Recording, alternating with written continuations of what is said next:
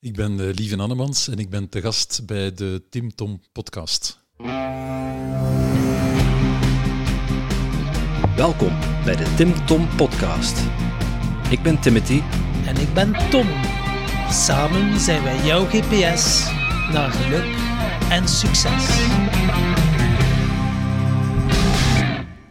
Dag lieve luisteraars en welkom bij route 78 alweer van de Tim Tom podcast. En ja, vandaag hebben we een uh, bijzondere gast, want ja, Tom was zeer vereerd toen, uh, toen de net de deurbel ging. Ja, en uh, het was eigenlijk wel grappig begonnen. Dus wie, wie we te gast hebben, heeft een boek geschreven over geluk. En tot op vandaag was hij nog niet aan de deur. ik had hem nog niet in mijn bezit. En dan om 11 uur gaat de bel. Ik zei, oh, Timothy die te vroeg is. Ik zei, dat kan bijna niet, maar het was de facteur met een boek. Uh, geluk vinden zonder dat je het zoekt. Oké, dat klinkt interessant. Ze komen het geluk al brengen zonder dat je erom gevraagd hebt, Tom. Klopt inderdaad. En uh, we hebben het uh, over niemand minder dan Lieven Annemans. Ook wel bekend als geluksprofessor hebben ze nog allemaal gezegd? Gezondheidseconoom, corona-ontkenner, versoepelaar. Ik weet niet wat begrippen dan ze nog allemaal over hem hebben gezegd, maar uh, alleszins een hele boeiend en interessant man. Dag, Lieven. Welkom bij de podcast. Ja, dag Tim, dag eh, Tom. Dag Lieven. Leuk dat je bij ons uh, wil langskomen. Ja, met plezier. Wij starten onze podcast eigenlijk altijd met, uh, niet altijd, we liggen ook een beetje, soms vergeten we dat, maar we starten de podcast normaal met de vraag van de vorige gast. En Tom, aan jou de eer om die te stellen. Ja, en onze vorige gast was uh, een Bitcoin-expert. En die vroeg zich af, hoe ga jij om met je financiële geletterdheid? Hmm, direct een zeer goede vraag. Want de volgende vraag is dan natuurlijk ook, wat bedoelen we met financiële geletterdheid? En um, eigenlijk bedoelen we daarmee wat ik zou noemen financiële fitness. Uh, ik heb die term niet zelf uitgevonden, dat is uh, Cynthia Gijsels, ook iemand die je een keer zou moeten uitnodigen. Een, uh, een life coach is dat. En um, zij begeleidt mensen in van alles, maar onder andere ook in financiële fitness. En eigenlijk wil dat zeggen dat men leert van hoe men met zijn geld best omgaat. Natuurlijk, basisvoorwaarde is dat je genoeg geld hebt, dat je niet uh, in armoede leeft en, en dat, je, dat je niet uh, dagelijks moet, uh, moet, moet vechten om, om, om rond te komen of om, om aan, aan een boterham te geraken.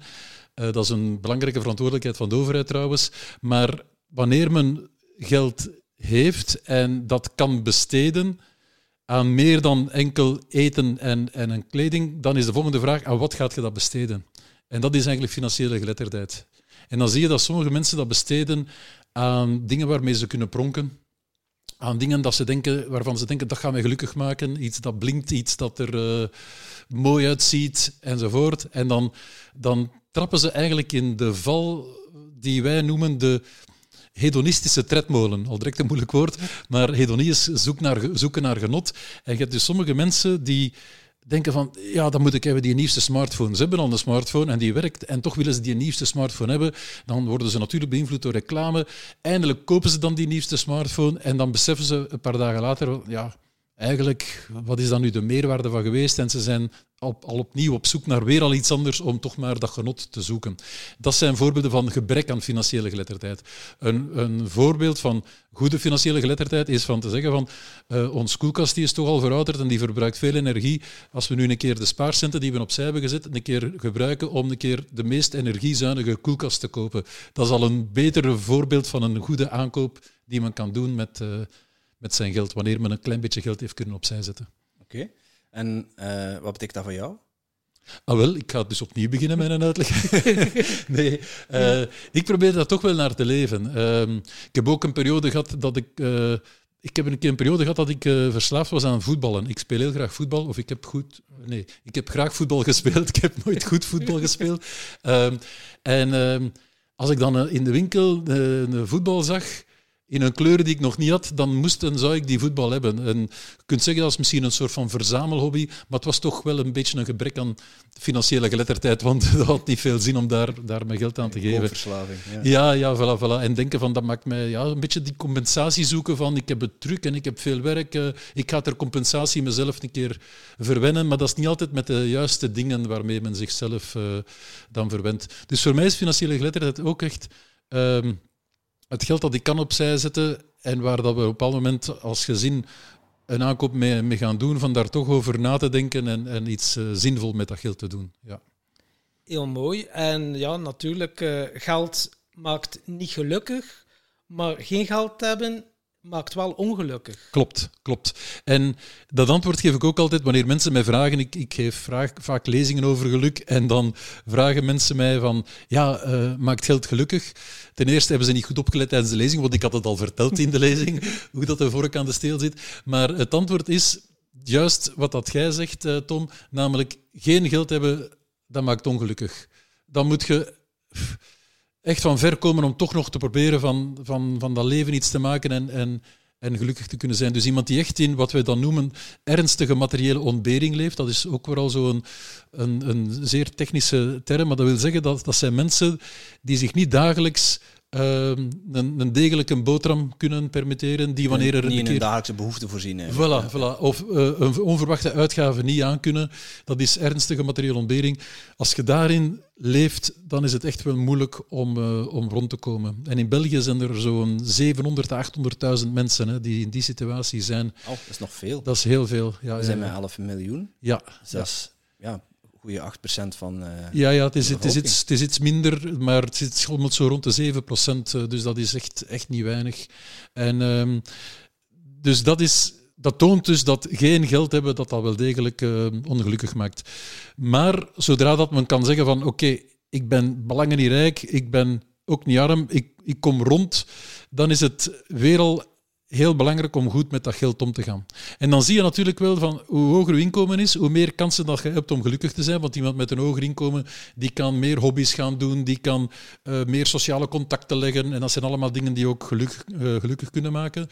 En dan bereiken we op een bepaald moment zo'n soort van plafond. Eh, en iemand die dan nog meer verdient, en dan spreken we over mensen die heel rijk zijn, die zijn niet meer gelukkiger dan degene die een goed inkomen hebben. Dus een goed inkomen hebben maakt duidelijk gelukkiger dan maar een, een, een matig inkomen hebben. Maar echt heel rijk zijn, dat maakt niet meer gelukkiger. Nee. Eh, Je hebt ook een hoofdstuk aan gewijd in je boek, heb ik, eh, heb ik gelezen.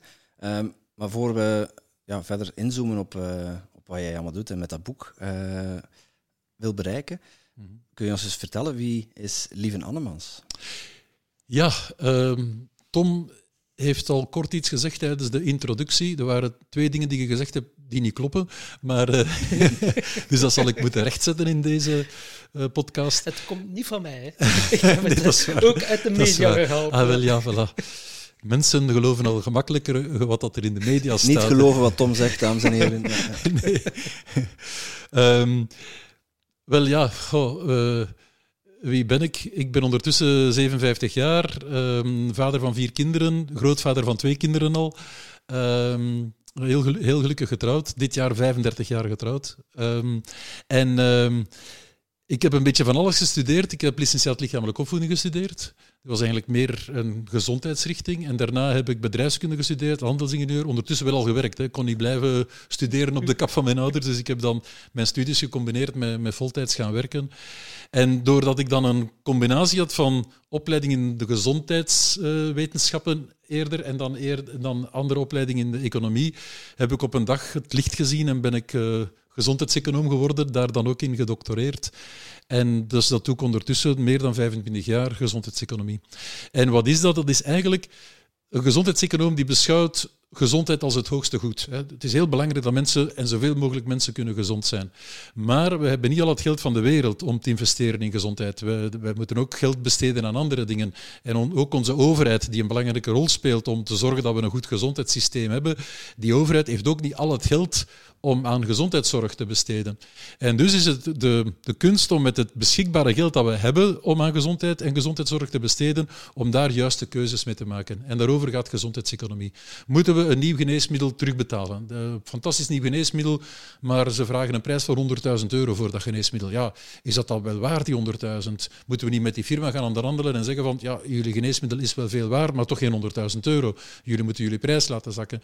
Uh, maar ook, hoe betalen we artsen? Hoe betalen we ziekenhuizen? En hoeveel mogen die betaald worden? Dat is ook allemaal gezondheidseconomie. Dus dat is een zeer interessante discipline, want het gaat over gezondheid en proberen met het beschikbare geld zoveel mogelijk gezondheid te kunnen genereren voor de mensen. Ja, dat was dat net wel de juiste vraag aan de juiste man, eh, als ik het zo hoor. Uh, ja, inderdaad. Maar natuurlijk, gezondheid heeft met heel veel dingen te maken. Uh, dat kan over depressie gaan, over hartziekte, over kanker, uh, over uh, virale infecties, bacteriële infecties. En om dan al maar terug te komen op wat dat je daar straks zei, Tom, bij de introductie. Uh, je vermeldde even, dat er van mij werd gezegd dat ik een corona-onkenner ben. Dat is natuurlijk allesbehalve correct. Hè. Dus uh, ik heb van in het begin gezien dat dat een zeer ernstig virus was, maar ik heb ook van in het begin gezegd, ik herinner mij dat het was 20 maart 2020, de, de crisis was nog maar tien dagen bezig, heb ik gezegd, opgelet, die lockdown dat gaat ook nefaste gevolgen hebben op het psychische welzijn van de mensen. Dus je moet op een bepaald moment wel durven een evenwicht gaan zoeken. Niet alles op dat virus. Uh, we gaan dat virus klein krijgen en we gaan daar alles voor over hebben, maar ondertussen uw samenleving kapot krijgen. Dat is, dat is geen optie. En dus ik ben beginnen te pleiten voor het zoeken naar een evenwicht. Dus ik heb altijd gezegd, ook in mijn opiniestukken, opgelet, dit is, dit is een kwalijk virus. We moeten heel waakzaam zijn. We moeten de basisregels volgen, afstand houden enzovoort. Maar we moeten er ook voor zorgen dat men niet uh, fanatiek wordt, dat men niet uh, tel elke dag angst predikt, dat men ook geen buitensporige maatregelen neemt die de, de samenleving uh, onleefbaar maken, want dan gaan we in een situatie komen waar de nadelen van de aanpak groter zijn dan de voordelen. Dat is altijd mijn pleidooi geweest. Dat werd niet altijd in dank afgenomen hoor, want er waren inderdaad mensen die gebiologeerd waren door dat virus en alleen maar dat virus zagen. En dus familiaal geweld, armoede, angst, uh, depressie, uh, kankers die niet goed werden behandeld. Ja, sorry, maar dat is wat dat zij dan noemden de collateral damage. Ja, dat is de nevenschade van, van het feit dat we dat virus aanpakken. Maar dat was om duur geen nevenschade meer. Om duur werden de, de, de nadelen groter dan, uh, dan de baten van de manier waarop dat virus aanpakt. En da, daar wou ik tegen tegenin gaan. En dan zitten daar in dat uh, adviesorgaan, hè, die dan uh, advies gaf aan het overlegcomité. En jij promote een gezonde leefstijl. En jij stond ook voor uh, ja, te stoppen, dat de media moest stoppen met die angstboodschappen en die mhm. polarisatie. Mm -hmm. Ja, wie kan er dan daar tegen zijn? Blijkbaar mm -hmm. nog genoeg mensen. Ja, ja omdat um, ik vermoed... Pas op, ik denk nog altijd dat er daar veel experten waren die oprecht angst hadden en oprecht dachten van we moeten alles doen om dat virus klein te krijgen. Ik denk dat er ook anderen waren die andere belangen te verdedigen hadden. Maar ik kan dat niet bewijzen, dus ik ga daar ook niemand persoonlijk uh, over gaan beschuldigen. Maar dat vermoeden heb ik wel. Nu, in die adviesraad zelf zaten er nog mensen die op dezelfde golflengte zaten als ik. Mensen uit de bedrijfswereld, mensen uit de cultuurwereld maar die niet diezelfde basis hadden. Uh, ja, destijds heb ik ook uh, opleiding fysiologie en neurofysiologie, biochemie enzovoort gevolgd. Dus mij kon men weinig maken over dat virus. Maar die andere mensen, die, die dachten, ja, wie moeten we hier geloven? Uh, als, als sommige experten zeggen het is zo en niet anders, dan hadden die natuurlijk ook weinig tegenargumenten om, om, om te gaan gebruiken. Maar ik weet ook dat er toen heel veel mensen waren buiten dat adviesorgaan. Mensen die mij dagelijks mailden, mensen die mij dagelijks berichten stuurden, die zeiden van, je zei juist, uh, je moet volhouden, je moet voortdoen. En ik maar tegen wil en dank uh, voortdoen. En eigenlijk had ik twee belangrijke boodschappen. Eerste boodschap was, uh, angst is nefast voor onze gezondheid, zelfs voor onze immuniteit. Dus stop met die dagelijkse angst te gaan prediken. En uh, ook deel van, van dat eerste gedeelte van mijn boodschap was, uh, buitenproportionele maatregelen, dat heeft geen zin. Dan ga je meer schade toebrengen dan baten. En vooral was dan naarmate dat de, de cijfers echt begonnen te stijgen, want ze begonnen op een bepaald moment uiteraard te stijgen. Hè. Zo vanaf half september begonnen we te zien van het, het gaat hier terug de verkeerde kant uit. Uh, en aan de, aan de juiste cijfers komen dat afleiden. Niet aan sommige cijfers die uh, niet zo goed geduid werden, maar de juiste cijfers, bijvoorbeeld hoeveel mensen worden er dagelijks in het ziekenhuis opgenomen, als je dat ziet uh, toenemen, dan weet je, oké, daar is nu een nieuwe golf in aantocht. En dat was mijn pleidooi, we gaan die nieuwe golf niet aanpakken met een nieuwe lockdown. We moeten die aanpakken met een aantal duidelijke regels die voor iedereen begrijpbaar zijn, waarover gecommuniceerd wordt in alle lagen van de bevolking, waar dat je met influencers kunt werken om die duidelijke regels op te volgen, maar waarbij dat de fitnesscentra kunnen open blijven, de restaurants kunnen open blijven, dat de kappers kunnen open blijven. Dat zou allemaal perfect mogelijk geweest zijn. En daar wou ik voor vechten tot op het laatste moment. Want dat ging even doeltreffend zijn tegen het virus en dat ging veel minder schade opleveren. Dat was eigenlijk mijn, mijn ambitie. Maar het heeft niet mogen zijn en dan heb je dan toch maar de eer aan jezelf gehouden en ontslag genomen. Ja, op een bepaald moment uh, zag ik dat de media ook niet mee wilden. Ik, ik denk dat angst beter verkoopt dan een genuanceerde boodschap. En, en misschien zit er nog meer achter, ik durf het niet zeggen. Maar alleszins, op een bepaald moment ondervond ik van Nee, de manier ook waarop dat de media dan ermee omgingen van nee, dit is niet meer correct.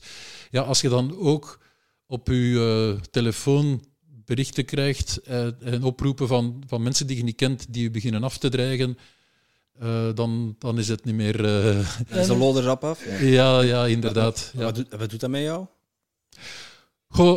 Doordat ik uh, al vijf jaar geluksonderzoek doe, ik, ik doe al 25 jaar gezondheidseconomie, maar met dat geluksonderzoek ben ik nog maar vijf jaar bezig, heb ik wel heel veel geleerd van hoe dat je met uh, emoties omgaat, hoe dat je met uh, tegenslagen omgaat. En ik was, ik was ontgoocheld, maar niet zozeer voor het feit dat, ja, dat dat niet goed was voor mijn gezondheid. ik was meer bekommerd met de samenleving van, verdorie, het is niet gelukt om de samenleving hier te vrijwaren van van die nefaste gevolgen van opnieuw een, opnieuw een lockdown. Dus ik, daar, had ik, daar, had ik, ja, meer, daar was ik meer uh, mee, mee begaan. Maar dan heb ik toen de, na een paar weken wel de klik gemaakt en geredeneerd van oké, het is niet gelukt om de samenleving te vrijwaren van die nefaste gevolgen.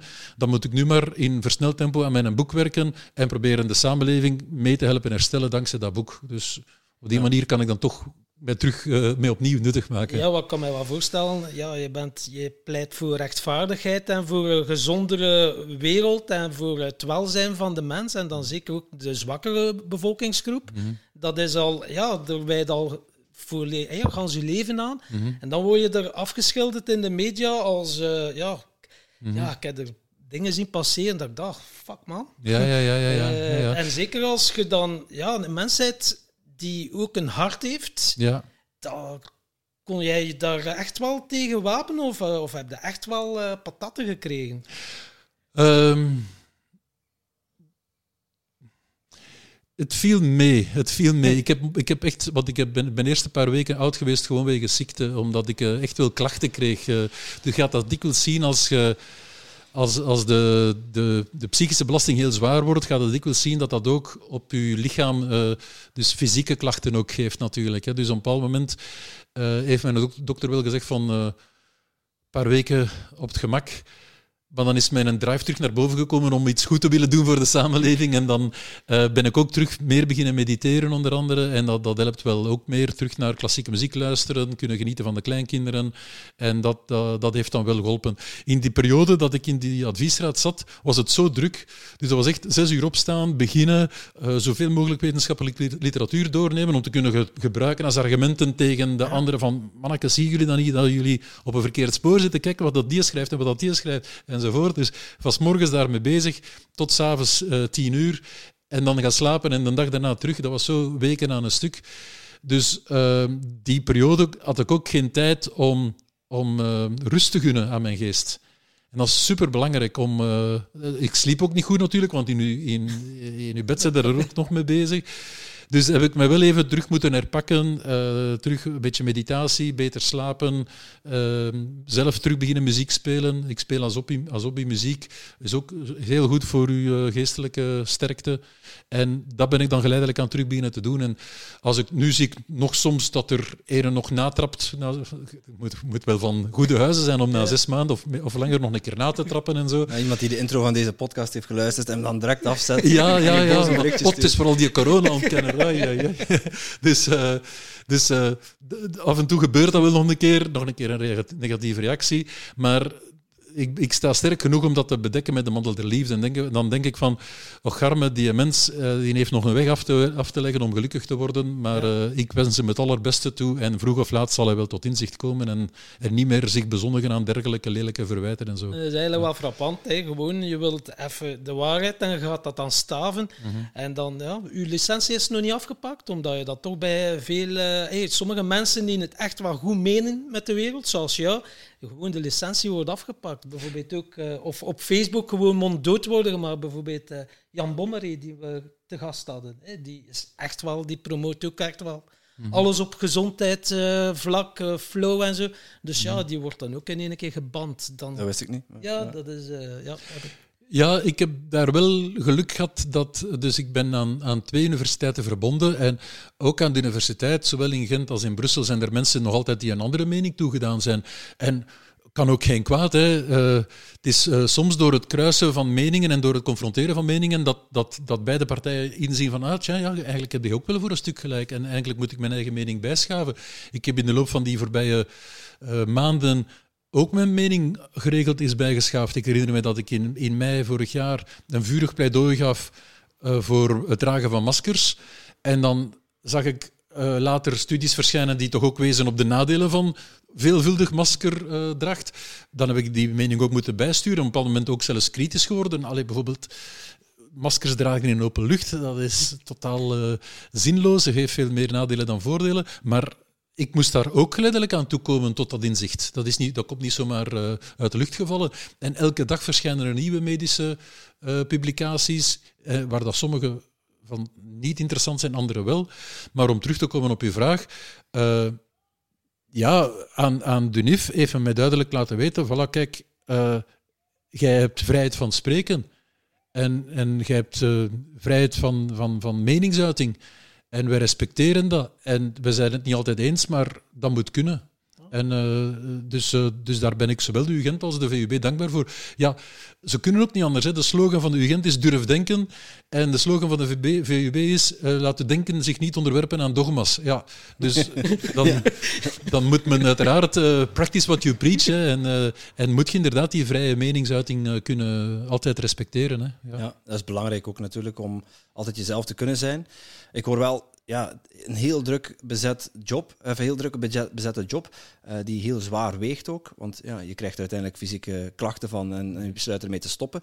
Um, maar ja, dat, zijn wel, dat is wel het orgaan waar beslissingen genomen worden. Mm -hmm. Beslissingen die worden genomen onder een enorme druk, enorme stress. Aan de andere kant hoor ik jou zeggen, eh, ik heb daarna die rust uh, terug opgezocht. Muziek, creativiteit, dat je terug kwijt kunt. Dan ben je toch in een veel betere staat om beslissingen te nemen. Ja. En ja, ik vind het gek om te horen dat dat dan niet op die manier ook georganiseerd wordt. Ja, je hebt zo gelijk. Um, ik herinner me, en dat was ook al een zware periode, in, in um, eind april vorig jaar uh, werd ik door de Vlaamse regering aangeduid als voorzitter van het Vlaams Relancecomité. Heeft weinig aandacht gekregen in de media.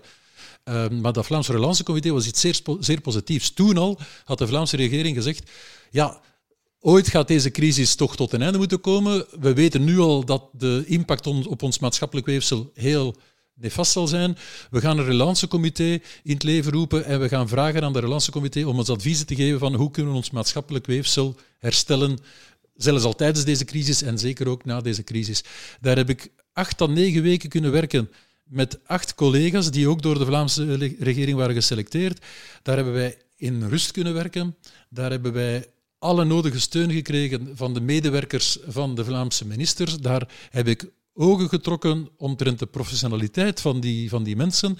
Dat was aangenaam werken. Dan kon je echt zeggen, we werden nog, nog ondersteund door een, eh, een consultancybureau, Idea Consult. Ik zit hier reclame te maken, maar die waren heel goed. Die namen het, het dagdagelijkse werk van ons over. Als die, als die zelf uh, dingen aan het opzoeken waren, dan deelden die dat met ons.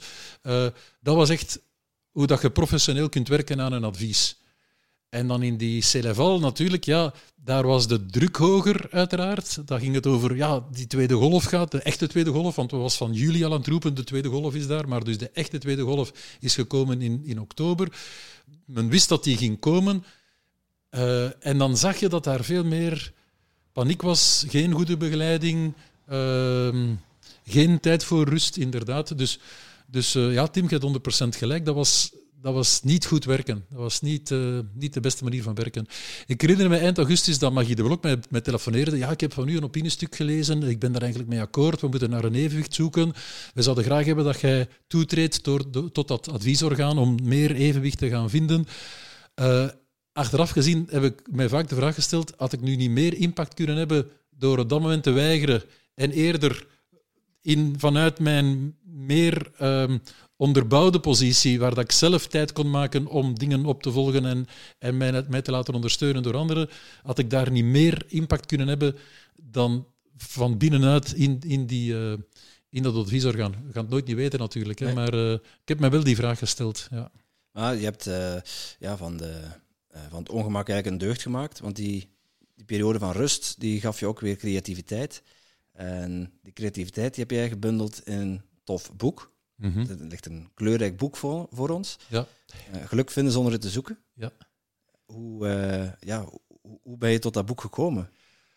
Wel, uh, ik doe ongeveer vijf jaar nu aan geluksonderzoek. Dat is eigenlijk niet lang, maar natuurlijk heb ik wel meer bagage door dat gezondheidsonderzoek ondertussen natuurlijk. Uh, en ik heb me vrij snel in dat domein kunnen inwerken. En ik heb vrij snel gezien dat er heel veel misvattingen zijn rond geluk. Onder andere waar we het straks al over hebben, sommige mensen verwarren genot met geluk. Uh, sommige mensen denken, ik, ik, ik moet zelf naar mijn geluk zoeken en ik moet me niet bekommeren om anderen. Uh, ik wil gelukkig zijn, dus ik ga streven naar geluk. En ik ben minder met de anderen bezig. Dus die denken dat geluk een ik-zaak is. Dat, dat, gaat over, over mij en over niks anders. Ik wil gelukkig worden. Dat is ook al een foute benadering. En ik heb veel bijgeleerd door... Uh, boeken te lezen. Dus het eerste jaar hebben wij niet zelf aan onderzoek gedaan, hebben wij literatuur doorgenomen. En dan heb ik boeken doorgenomen, uh, onder andere over uh, de boeddhistische zienswijze over geluk, maar, maar ook over uh, hoe dat je dat dan vertaalt in de westerse wereld naar, ja, als, als het dan niet correct is van naar geluk te streven, wat is dan wel de juiste aanpak? En op die manier ben ik geleidelijk aan die inzichten beginnen te ontwikkelen. En dan zijn we met ons eigen onderzoek kunnen beginnen. En dat was heel interessant. Dan zijn we kunnen starten met het bevragen van duizenden mensen, duizenden Belgen over hun geluk, maar ook over alle aspecten van hun leven. En dan zijn we die verbanden gaan zien en ja, inderdaad vastgesteld, ja, er is toch ergens een soort van geheime formule, allee, het is niet geheim, uh, formule, een soort van touwtjes dat je kunt aantrekken. En als je aan die touwtjes trekt, dan wordt geluk een soort van positieve nevenwerking van het trekken aan die touwtjes. Dus niet van ik streef naar geluk, want dat is mijn doel. Nee, ik, ik weet een aantal dingen waaraan ik kan werken. En als ik daaraan werk, dan word ik automatisch indirect zogezegd gelukkig. Dat heb ik geleidelijk aan ontdekt. En wil je dan zeggen dat geluk maakbaar is? Ja, ja alhoewel dat men moet voorzichtig zijn met die, met die uitspraak. Ik vertelde dan een keer uh, in een lezing, en na de lezing kwam, kwam iemand naar mij en zei van ja, maar ja, je moet daar toch mee opletten met dat maakbaar.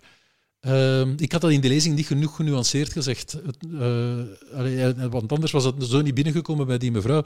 En die mevrouw zei van, ja, maar ja, als je dat zo zegt dat maakbaar is, dan gaat iemand die niet gelukkig is zich schuldig voelen. Zo van, zie, zie dat, hè?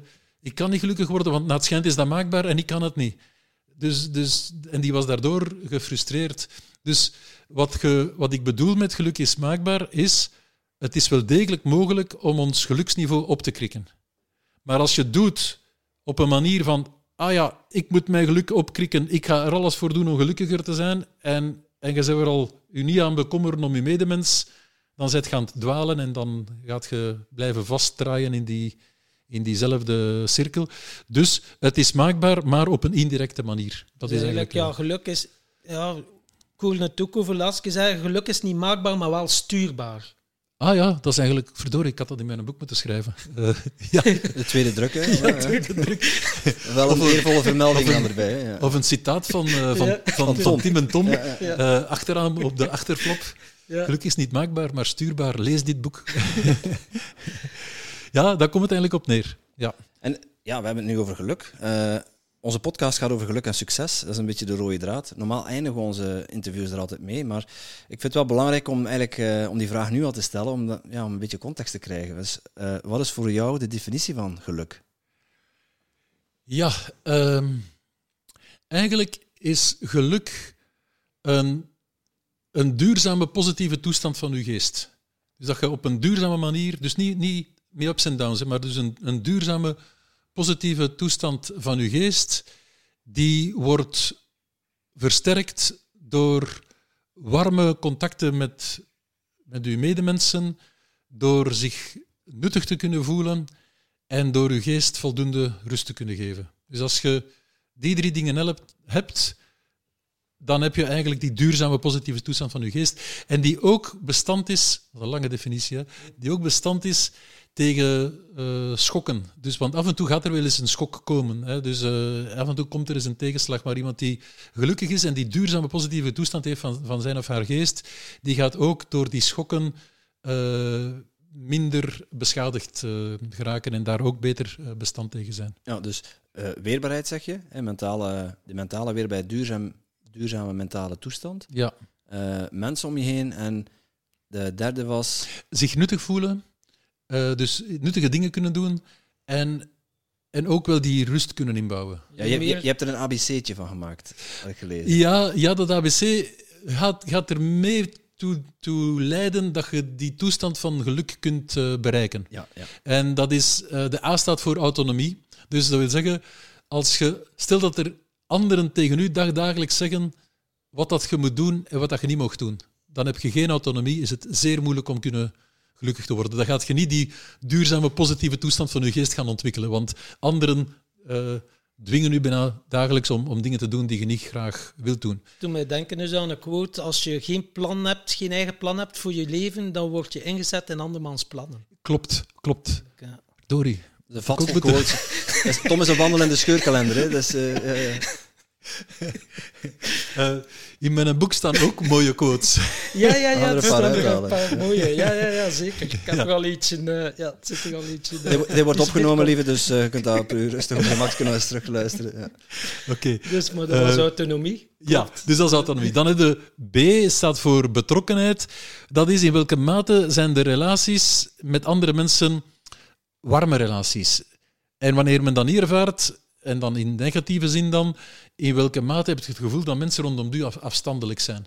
Pas op, dat heb je zelf ook in de hand. Er zijn ook mensen die zelf naar anderen afstandelijk zijn. Ja, dan moet je niet verschieten dat die anderen ook naar u afstandelijk gaan zijn. Dus dat is een, daar zit een wederkerigheid in, uiteraard, in die betrokkenheid. Trouwens ook in die autonomie.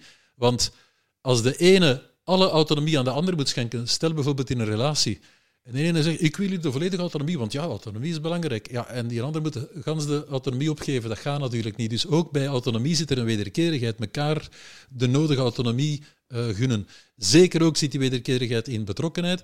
En de derde, de C, staat voor competentie. Zich bekwaam voelen in wat men dagdagelijks doet. Dat is nog niet hetzelfde als anderen zeggen nu wat dat je moet doen, maar dat je ook zelf kiest om iets te doen, maar je voelt van, tja, ik ik heb het gevoel dat ik toch niet altijd kan vertrouwen in, in, in mezelf. En ik doe dingen fout enzovoort. Dat is niet bevorderlijk voor je geluk. Dus uh, daarom dat het ook belangrijk is in je leven om te kunnen blijven bijleren. Als je kunt bijleren, dan helpt dat ook u om, om jezelf te ontplooien en om jezelf dan ook bekwamer te voelen in wat je dagelijks doet. Dat is dan die fameuze C van, van competentie. En eigenlijk zijn dat de drie uh, psychologische basisbehoeften. Dus elke mens heeft behoefte aan autonomie, aan betrokkenheid en aan competentie. En als, als aan die behoefte niet wordt voldaan, dan spreken de psychologen van een frustratie van uw basisbehoeften. en ja, dan is het heel moeilijk om gelukkig te kunnen zijn. Ja, we hadden een tijdje geleden bij Kevin Taalman te gast. Mhm. En die had het over het ABC van eh, motivatie. Dat waren Mhm. dezelfde, dezelfde afkorting. Ja, En natuurlijk ook weer die basisbehoefte die vervuld moet worden om Ja. effectief iets te kunnen doen. ja, klopt. Iets in de wereld te kunnen zetten. Ja, ja, in de gedragspsychologie gebruiken ze die ABC ook om, om mensen proberen te leiden richting positief gedrag. Zelfs in studies over hoe doen we iemand gezonder leven, is niet door te zeggen, en vanaf nu gaat een gezonder leven, dat gaat niet helpen. Maar die, die personen de nodige autonomie laten aanvoelen, ah, ik heb dat hier eigenlijk zelf in handen. Ah, oké, dan is men al meer gemotiveerd. De betrokkenheid, ah, ik sta er niet alleen voor. Ik, ik ga dat samen met anderen doen, beginnen gezonder te eten. En, en C, ja, ik heb er nu over bijgeleerd, ik weet wat dat gezond is, ik weet wat dat niet gezond is. Ah ja, ik voel me competent. Zonder dat de mensen die, die woorden gebruiken, hè, het is niet dat iemand dagelijks zegt, oh, ik voel me autonoom, oh, ik voel me betrokken. Maar door daarop te spelen, kan men ook mensen motiveren richting, eh, richting gezonder eh, gedrag. Zonder dat het, ja, hoe zou ik zeggen, opgelegd wordt. Zonder dat de mensen het gevoel hebben van anderen, gaan, anderen zijn mij hier aan het dwingen om een bepaald gedrag te vertonen. Als het vanuit uw eigen komt, is het altijd eh, ja, beter uiteraard. Ja, en die hedonistische tredmolen, want uiteindelijk, hoe meer je het korte termijn genot kunt negeren, hoe gelukkiger je wordt op de lange termijn uiteindelijk. Ja, dat klopt. Maar zoals ik zei, sommige mensen hebben dat niet door en verwarren genot met geluk. En als, als je zelf niet gelukkig bent en je probeert dat dan te compenseren met de zoektocht naar het genot, dan zit je vast in die tredmolen en dan raak je daar niet En nu uit. ga ik een quote van u gebruiken. En dat is: eh, Ongelukkige mensen zijn vooral op zoek naar compensatiebehoeften. En gelukkige mensen hebben een consequentiegevoel. Ja, klopt, klopt. Ehm, en wat bedoel ik daarmee? Je hebt op die korte tijd toch al serieus in dat boek eh, Ja, ja, ja. ja. De facteur is en, hij eh, verbaast mij ook. facteur is gepasseerd om 11 uur. ik denk dat de facteur tegen hem verteld heeft wat er in dat boek staat. Want Ik denk dat daarmee is dat dat boek zo laat is aangekomen. Die facteur heeft dat eerst zelf ik het was gelezen. wel al gelezen, ja. Nu, ehm, en dat bedoel ik juist. Iemand die gelukkig is, die gaat ook veel momenten van genot ervaren. Trouwens, kenmerkend voor mensen die gelukkig zijn, is dat ze ook, ook vaak eh, zin voor eh, humor laten zien. Ehm, want je bent gelukkig, je voelt je goed en automatisch gaat je eh, ook toffer zijn naar andere mensen toe, een keer iets grappigs doen, iets grappigs vertellen. Ik speel soms verstopperken met mijn vrouw. We zijn van achter in de 50. Allee, komt, dat tegen? Maar dat is omdat wij gelukkig zijn, amuseren we ons ook vaak. En ehm, wat wil ik nu zeggen? En dat, noem ik dan consequentiegenot of consequentiegeluk. Ja. En compensatie is net dat hedonistische gedrag, namelijk ik ben eigenlijk niet gelukkig, men geeft dat ook niet graag toe, maar om dat te compenseren eh, ga ik genot zoeken, dat is compensatiegenot. Ja. Ja, we, we zeggen ook wel eens korte termijn fijn, lange termijn pijn. Lange termijn, eh, zeg dat? Korte termijn pijn is lange termijn fijn. Ja, ja, Dat je- dat je het- maar ja, wil dat ook zeggen dat je altijd alles moet ontzeggen voor jezelf? zeker niet. Zeker niet. Eh, eh, ik, eh, ik, ik, ik zeg het juist, ehm, eigenlijk als je, als je erin slaagt van warme relaties te hebben. Ik zeg tegen iedereen goeiedag, ook op straat. Ook tegen mensen die ik niet ken. Soms zie je mensen denken van, ah ja, dat is die rare. nee, maar ehm, ik, ik ben ook naar iedereen ja, vriendelijk. En dan komt dat terug. Dus dat is al, dat is al belangrijk. Dus dat is korte termijn fijn. Hè? Eh, dan zorgen ook dat je jezelf kunt blijven, ont- blijven ontplooien. Dat je blijft bijleren. Dat je blijft eh, jezelf ontwikkelen. Dat is ook eigenlijk korte termijn fijn, want bijleren is altijd, meestal toch plezant. En gaat dan ook nog eens lange termijn fijn zijn. Dus je kunt verschillende dingen doen die zowel die eigenlijk op neerkomen korte termijn fijn, lange termijn fijn. En dat is eigenlijk... eh, eh, dat maakt eigenlijk deel uit van de formule om gelukkig te kunnen zijn. Dus eh, het is niet dat je op korte termijn een opoffering moet doen. Ja, je moet jaren, jaren eh, sober leven, dan gaat je later gelukkig zijn. Nee, nee, je kunt door nu te leven, samen met anderen, door die betrokkenheid te zoeken, door jezelf te ontplooien, maar ook door je geest de nodige rust te gunnen, heel belangrijk element, dan kan je echt gelukkiger worden. Nu gaan we praktisch worden, denk ik. Ja. Want de geest rust gunnen, hoe, hoe doe jij dat, lieve? Ja. Wel, ik ga eerst zeggen, wat je ziet bij heel veel mensen die hun geest geen rust gunnen, dat zijn mensen die ehm, in een soort van pingleven leven, eh, waar dat er dagelijks heel veel pings op hun afkomen. Ping van WhatsApp, ping van Ping zonder pong is dan. ja, ja. Eh, WhatsApp, Messenger en wat is het allemaal? Ehm, en daar dan heel veel... Ja, Ah, ja, kriebels krijg ik ervan. eh, Ik heb mijn geluid uitstaan daarvoor ook. Ja. Ehm, dus dat is al die, die constante indrukken, die ook eh, elk breaking news ook direct op je telefoon. Oh, breaking news. Veel breaking news is er dan meestal niet aan, maar dat wordt dan zo verkocht, omdat dat dan weer al eh, veel kliks geeft enzovoort. Ehm, dus dat is al een voorbeeld van uw geest geen rust geven natuurlijk. Hè. Komt daarbij dat veel mensen heel vaak zichzelf eigenlijk vergiftigen met negatieve gedachten. Typische negatieve gedachten zijn zo van: Goh, ik moet het wel doen. Of eh, waarom moet mij dat wel overkomen? Of op andere dan: Jij doet nooit iets. Eh, of eh, ik, ik ben te dik, ik ben te lelijk. Het is altijd mijn schuld. Enzovoort.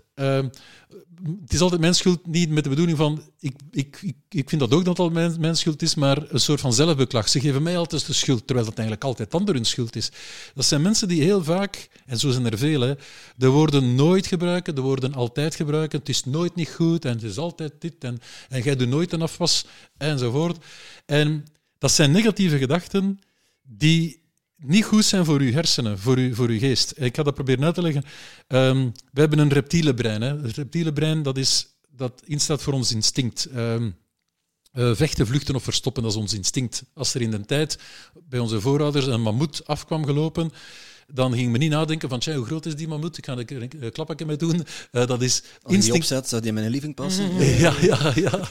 Eh, dat is dan instinctmatig vechten, vluchten of verstoppen. In het geval van een mammoet was dat verstoppen. Maar men moest daar niet over nadenken. Vechten tegen een mammoet heeft geen zin. Vluchten, die, die loopt trapper. Maar zelfs wat ik nu zeg, dat, op, zo werd er niet gedacht. Hè. Dat was instinctmatig. Levensmechanisme. Ja, het instinctmechanisme zegt verstoppen. En ehm, we hebben ook een ander deel van ons hersenen, dat is het, het limbische systeem. En daarin worden we, daarmee worden we geconditioneerd. Dus we leren eh, talen aan dankzij dat limbische systeem. We leren eigenlijk van alles aan, we worden geconditioneerd. En het probleem is dat veel mensen geleidelijk aan negatief geconditioneerd worden. En dus zichzelf altijd maar negatieve praat, negatieve verhaaltjes aanpraten. Dus wat ik daarnet van voorbeelden gaf. Wat denkt dat reptiele brein? Dat ziet ook gevaar, maar niet meer gevaar van een mammoet dat op ons afkomt, maar van tja, altijd maar negatieve dingen. En dan reageert dat reptiele brein ook met vechten, vluchten of verstoppen. Vechten is eh, andere mensen gaan agressief gaan benaderen, s- voor het minste geïrriteerd geraken. Vluchten is zijn toevlucht zoeken tot verslavingen, veel te snel rijden met een auto. Dus eigenlijk hebben zij geen controle meer over hun, hun, over hun hersenen, hebben zij geen bewustzijn meer, reageren ze gewoon eigenlijk met op van alles veel te gepikkeld reageren, eh, onbezonnen dingen doen. En ja, als je dat niet kunt, als je dat niet kunt tegengaan, vindt je geest geen rust. En we hebben een ander deel van onze hersenen, de neocortex, en die staat juist in voor nuancering, voor reflectie, voor inzicht, voor perceptie. En als die in het gedrang geraakt, als die niet tot uiting kan komen, omdat eh, die twee andere, dat limbisch systeem en, en dat reptiele brein, die zijn zich goed aan het amuseren met je geeststand kapot te maken, dan heeft die neocortex geen kans en dan kan je geen rust in je geest vinden. Nu. Eh, dat, dat is een mooie uitleg, een gesimplifieerde uitleg die biologen eraan geven. Hè. Eh, ik heb mij daar geïnspireerd door, een- door een, eh, gezondheidswetenschapper uit Frankrijk, eh, Christian Baron, en die heeft een mooi boekje geschreven, La source du bonheur, dus de bron van geluk. En zijn boekje draait bijna helemaal rond die wisselwerking tussen die delen van de, van de hersenen. Maar er is meer. Dus wat ik, wat ik een beetje als kritiek heb op, op dat verhaal, is zo van... Ah, dus als je je neocortex kunt laten werken, zijn dat automatisch gelukkig. En zo simpel is het ook niet. Hè. Je moet nog voldoende inkomen hebben, je moet eh, kunnen gezond zijn, je moet warme relaties kunnen hebben van de mensen om, om je heen. Maar het is wel een belangrijk element, die, die fameuze neocortex. Ja, en hoe krijgen we dat reptiele brein dan stil? Die Ja. hoe zorg je ervoor dat die prikkels, of die angstprikkels, dat die niet meer gegeven worden, zodat je niet continu in die ja, vlucht, vecht en eh, Verstopmodus, ja. reactie Verstop is een beetje depressie, eh, burn-out, dat is een soort van moderne versie van verstoppen ook eigenlijk. Hè. Dus zowel dat vluchten, dat vechten als verstoppen vertalen zich in eigenlijk hedendaagse... Je hebt eh, misschien zo nog een vierde, dat is dan het, eh, het volgen. En freeze ook nog. Ja, freeze Ja. is het verstoppen misschien. Ja, freeze, freeze is heel vaak wordt gelijkgeschakeld met, eh, met verstoppen. Eh, maar dat is eigenlijk een soort van blokkeren eigenlijk. Hè, van, eh, Ja.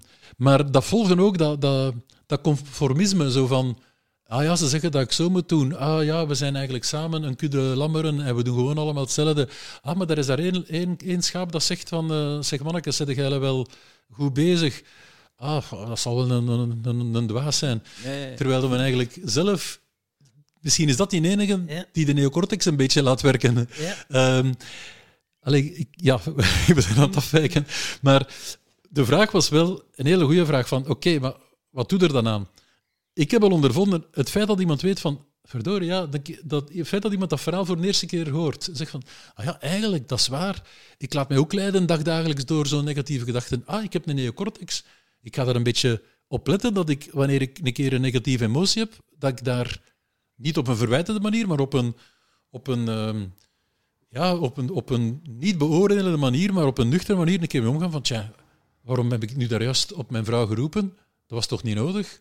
Dat heeft toch niks, niks geholpen? Ah, op dat moment is uw neocortex al aan het werken. Dus ergens beginnen al uzelf durven in vraag te stellen, dat is al een eerste stap. En dan zijn er natuurlijk ook technieken. Het is ondertussen bekend dat meditatie. ehm, Steven Larijs, de bekende neuroloog van Luik, heeft daar ook een mooi boek over geschreven. ehm, dat meditatie wel degelijk die neocortex terug doet ontwikkelen. Hè. Eh, maar dat moet niet per se meditatie zijn. Dat kan ook eh, dagelijks een keer een uurtje rust nemen en, en een keer in de natuur gaan wandelen. Of als je in de stad woont, dan toch een park opzoeken, eh, een beetje in, in, de, in de stilte proberen eh, te vertoeven. Dus op zetelke ploffen, gsm erbij, Instagram, Facebook. Even rust. dat is niet wat je bedoelt. Ik zal maar doen dat ik dat niet gehoord heb. nee, nee, maar eh, ik denk dat jullie ondertussen goed, goed horen waarover dat gaat. Eh, ik, zet, ik zet geregeld eh, mijn telefoon op stil. Mensen die me goed kennen, die weten ook, na zeven uur, half acht, moeten ze mij niet meer berichten sturen of WhatsApp of, en niet, niet meer onmiddellijk een antwoord verwachten, want dan, dan staat alles op stil. En dan, dan, dan neem ik de tijd of om wel om zelf piano te spelen, ofwel om eh, naar muziek te luisteren, of, ehm, of te mediteren. Ik doe dat mediteren niet volgens de regels van de kunst hoor. Daar zijn sommigen die zeggen, ja, we moeten dat twee keer per dag 20 minuten doen. Nee, Het is vooral belangrijk dat je blijft ademhalen. Dat ja, voilà, voilà. dat is al belangrijk. En soms doe ik dan een keer vijf minuten en soms een keer tien minuten. Maar daar zijn ook andere technieken. Hè. Ehm, Sommige mensen voelen zich beter bij yoga, andere mensen voelen zich beter met een wandeling in het bos, andere mensen voelen zich beter met eh, onkruid te wieden en ondertussen eh, gewoon naar, naar, de, naar het geluid van de natuur te luisteren. Ehm, ik, ik vergelijk dat een beetje met, met de training van je lichaam. Eh, dus iedereen weet, ah ja, als je veel beweegt, dat is gezond voor je lichaam. Maar de ene wandelt liever, de andere loopt liever, de andere zwemt liever, de andere fietst liever, de andere doet liever eh, fitness Verstoppertje. of verstoppertje.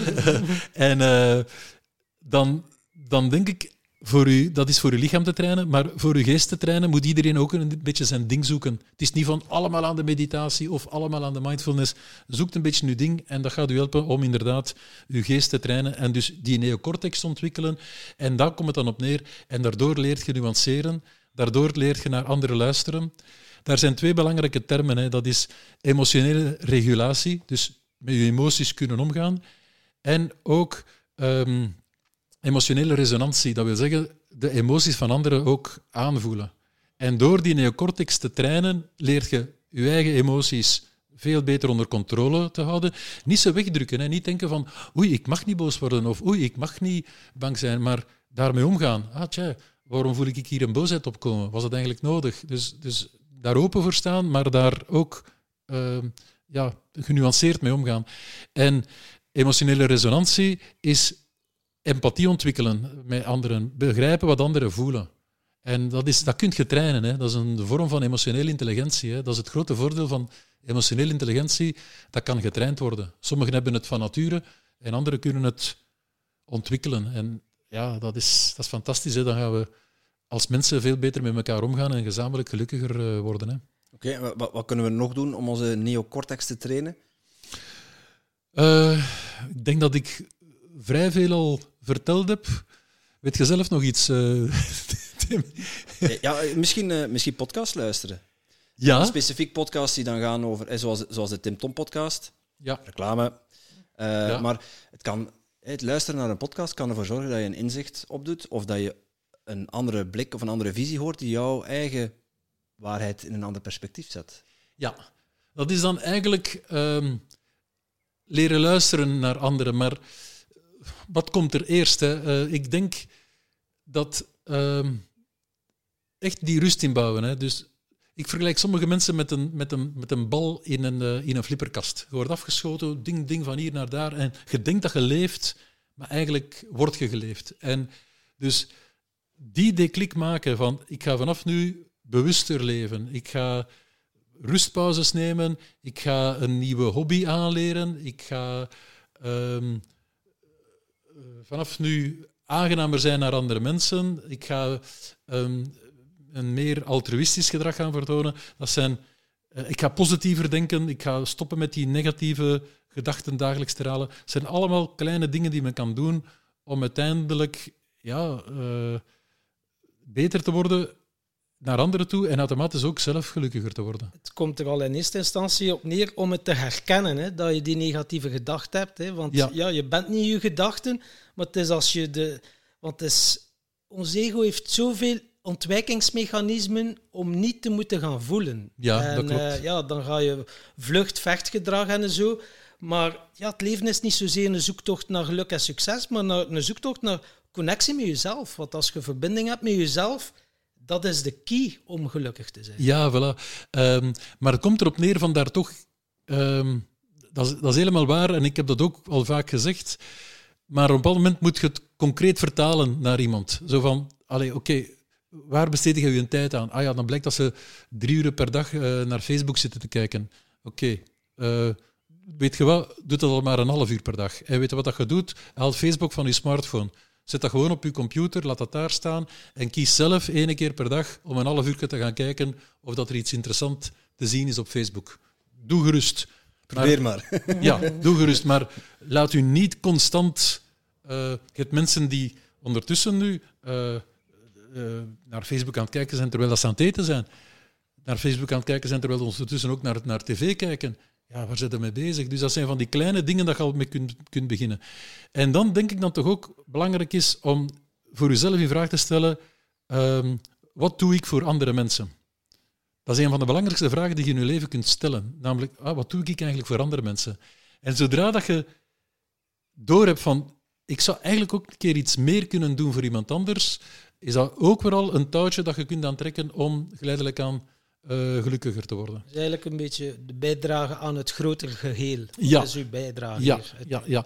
Pas op, zo'n altruïstische houding mag ook niet gaan ontaarden in u gaan onderwerpen aan de willekeur van een ander. Hè. Uh, je hebt ook mensen die te goed zijn en uh, anderen profiteren daarvan. En doe ik dit voor mij, doe ik dat voor mij. Dat moet ook ergens ja. een grens zijn, uiteraard. Hè. Maar het is toch zo dat mensen die uh, egoïstisch zijn, zijn ongelukkiger dan mensen die altruïstisch zijn. Omdat die egoïsten alleen maar met hun eigen bezig zijn, op zoek zijn naar hun eigen belang en hun eigen, uh, hun eigen succes. En vroeg of laat botsen die tegen de muur, omdat ze zien dat, dat eigenlijk weinig mensen hen graag zien. Hè? Omdat ze, ja, ja. ze zien hen misschien graag als, als die egoïst toevallig ook wat geld heeft, dan zijn er anderen die in, uw, in hun omgeving willen vertoeven, omdat ze misschien denken, daar valt wel iets van de kar. Maar en eigenlijk... anderen zien u ook graag vertrekken. Ja, ja. Je hebt al twee soorten mensen. Hè. Ja, mensen die je graag zien of die je graag zien vertrekken. Ja, dat klopt, dat klopt. Maar iemand die warm is naar anderen, die gaat die warmte ook vaak uh, terugkrijgen. Dus je ziet, er zijn heel veel touwtjes dat je kunt aantrekken. Hè. Want ja, dus zou dat egoïstisch zijn, de, het is wel een misvatting. Het is niet verkeerd om 100% te kiezen voor jezelf. Uh, want tenslotte ben jij wel de belangrijkste persoon in je leven. Ja. En als jij enkel de dingen doe, doet die jij heel leuk vindt, dan ben je gelukkig en ga je dat ook uitstralen op je omgeving. Juist. Maar een andere quote in mijn boek is: gelukkig zijn is niet doen waar je zin in hebt, maar zin geven aan wat je doet. En wat bedoel ik daarmee? Dat is als je alleen maar, want jij zegt 100%. Ik zou zeggen, je, je, mag jezelf verzorgen. Hè. Daarom ook dat, dat, dat ik hier gans dat verhaal doe van hoe zorg je dat je lichaam gezonder is, hoe zorg je dat je geest gezonder is. Uiteraard, dat doet je voor jezelf. Maar je doet dat niet zonder anderen. Uh, geluk is een wijzaak. Geluk is geen ik-zaak. Dus om gelukkig te zijn heb je anderen nodig. En, en als je dat beseft, dan ga je ook beter werken aan die relaties met anderen. Uh, je ziet mensen die voor het minste discussiëren. Wat, wat, wat hebben daar? Eh, je ziet daar zelfs reclame dat daarop inspeelt. Het was penalty. Het was geen penalty. Het was penalty. Het was geen... Ja, hoe lang kun je ruzie maken? Gent. Deinzen. Gent. uh, uh, je mag je eigenheid hebben natuurlijk. Hè, en je mag je fier zijn op je achtergrond. En je, moet, en je moet ook af en toe een keer zeggen van ik denk dat ik gelijk heb. Maar je kunt ook luisteren naar de argumenten van anderen en af en toe ook een keer durven je ego een beetje lager opstellen en zeggen van, verdorie, ja, je hebt daar een punt. Ja, en ik ga een keer naar u luisteren, naar, naar wat dat jij te zeggen hebt. Er zijn veel mensen die een zodanig sterk ego hebben, dat ze denken dat zij altijd gelijk hebben. En die ook voor het minste, uh, je ziet dat soms ook bij, bij ouders, voor, bij de opvoeding van de kinderen, voor het minste zitten ze te discussiëren. Ja, maar hoe moet dat zo doen? Nee, ik vind dat dat je zo moet doen luister een keer naar elkaar. Misschien hebben we alle twee op een, tot op zekere hoogte gelijk. En doe dat ook zeker niet in het bijzijn van de kinderen. Spreek dan een keer rustig over van hoe gaan we dat samen aanpakken. Maar respecteer vooral elkaar. Dat is, dat is zo belangrijk van, ja, van dat wederzijdse erkenning te geven. Uh, dat is... Uh, en dat is de klik die sommige mensen moeten maken hoor. Sommigen zitten echt zo vast met dat ego dat ze geleidelijk aan moeten leren door meditatie misschien, door een keer meer rust te geven door beter te slapen. Ah, dat is ook zoiets. Uh, hoe beter dat je slaapt, hoe beter ook voor je neocortex. Dus nachtrust, jezelf ook gunnen. Dat zijn zoveel dingen. Hè. Onze, onze spirituele leraar, Dirk Koelibrand, zei, je moet zorgen dat uw koning op, op zijn troon zit, of koningin. Dat is uw ziel. En niet de minister van Binnenlandse of Buitenlandse Zaken. En dat is dan uw ego of uw persoonlijkheid. Ja, dus voilà, voilà. Wel, uh... voilà. Maar je zult zien, iemand met een ego gaat ook veel opvliegender zijn. Iemand met een ego gaat ook negatiever zijn. Iemand met een ziel, als we die, allee, die terminologie gebruiken, uh, die gaat veel meer begripsvol zijn naar iemand anders. Die gaat uh, dingen met de nodige rust uh, aanhoren en daar dan op een rustige manier zeggen van ik denk dat het eerder zo zit. En daarom, en dus die gaan geen confrontatie gaan zoeken, die gaan niet rap geïrriteerd zijn, die, die, die gaan ja, warmer ook zijn naar anderen toe. Dus dus dat zijn... En je zou kunnen zeggen, ja, maar misschien is het aangeboren. Misschien kun je er niks aan doen. Ofwel zijn ze geboren om een gelukkige mens te zijn met een, met een ziel. Ofwel zijn geboren om een ego te zijn die egoïstisch is en, en, en die een hopeloos geval wordt.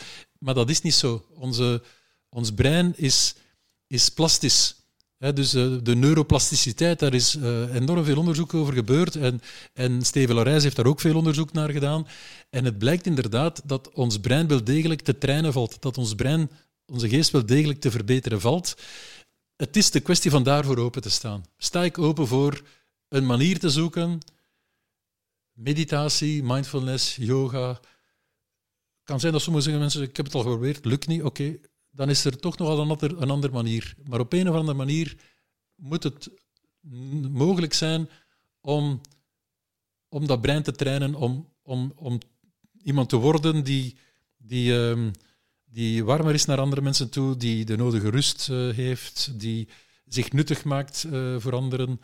En uh, ja, denk, ik denk dat dat echt mogelijk is. Voor de meesten onder ons. Dat schijnt zal het voor 1% van de mensen heel moeilijk zijn, omdat die ergens genetisch ja, een soort van uh, narcistische psychopaat zijn. En uh, dat zou naar, naar bij 1% ongeveer voorkomen. En dat is moeilijk om, om die echt te bewegen richting goede mensen, zo gezegd. Ja, en als die dan aan het hoofd staan van een land, is dat nog dubbel jammer dan. Zo van. Je kunt het herkennen aan de, de oranje huiduitslag die ze krijgen. ik, ik, kijk even met een schuin nog naar de klok. Ik zie dat het bijna tijd is. Ik wil nog, uh, nog één ding vragen aan jou. Um, want we hadden net over de definitie van geluk. Uh, maar heb je ook een definitie van succes? Wat is voor jou succes? Succes wordt vaak wel geassocieerd met, met geld en prestige en gearriveerd zijn, zoals sommige mensen dat zeggen. Maar voor mij is ehm, succes eigenlijk kunnen zeggen van ik ben een gelukkige mens en ik heb veel andere mensen en ik help om veel andere mensen ook mee gelukkig te maken. Dat is volgens mij het ultieme succes. Oké, mooie, mooie definitie. Ja. Ehm, tot, eh, tot slot, eh, als, ehm, eh, voor onze volgende gast willen we vragen of jij daar een, een mooie vraag voor wil bedenken. Dus wat zou jij willen vragen aan onze volgende gast? Ja, ik dacht dat zoiets ging komen, want in het begin kwam je af met een vraag van de vorige gast. Ik zeg, ja, ik ga het ook zitten hebben, maar ik, ik ga buiten het domein van het geluk houden. Oké. maar ergens zijn we er in het gesprek wel mee in aanraking gekomen, namelijk de rol van de media. En ik zou aan de volgende gast willen vragen van, hoe ziet jij de rol van de media in onze samenleving uh, evolueren? Ja, dat is een hele mooie, pittige vraag. Mooie opening ook uh, voor een gesprek. Ja. ja, ik ben blij dat ik niet de volgende gast ben. Goed, uh, ja, geluk vinden zonder het te zoeken. waar kunnen mensen het, jouw boek verkrijgen? Uh, het boek is te verkrijgen in de standaard uh, boekhandel. Ik hoorde vandaag nu zeggen dat er een aantal al uitverkocht waren, maar die zullen dat wel bijbestellen, hoop ik. Uh, die nieuwe druk met Toms en Quotes. ja, ja. ook in de FNAC, in sommige Carrefours ook. en ook, kunt het ook rechtstreeks bij de uitgeverij uiteraard bestellen, voor de mensen die dat liever online bestellen. Dat is dan bij Borgerhof en Lambrechts. En als je dus opzoekt Borgerhof en Lambrechts, geluk vinden zonder het te zoeken, kom je ook op de site van het boek terecht. Ja, even zoeken, maar dan ga je het vinden. Ja, en eenmaal dat je dan het boek hebt, ja, ja, uh, dat is dan het enige dat je nog moet zoeken. Dat is dat boek. Als mensen meer over jou willen weten, uh, waar kunnen ze dan terecht? Uh, um, ah, dat is eigenlijk een goede vraag. Ik ben aan een website aan het werken, uh, lievenannemans.eu. En, en daar ga ik ook beginnen meer dingen te posten over wat ik schrijf en, en waar ik mee bezig ben. Dus dat is, dat is eigenlijk misschien een een goede tip. Eigenlijk omdat iets te vroeg, ik wou dat nu nog niet aankondigen, maar kijk, het is gebeurd. Goed, dan uh, gaan we het hier afronden. Uh, ik heb het gevoel dat we nog een uur kunnen praten, maar uh, jij moet door naar je volgende afspraak. Ja, dus, mijn excuses. Alle respect ja. voor, geen probleem. Ja. Dus dankjewel, lieve. Heel graag gedaan. Dankjewel. Dank u.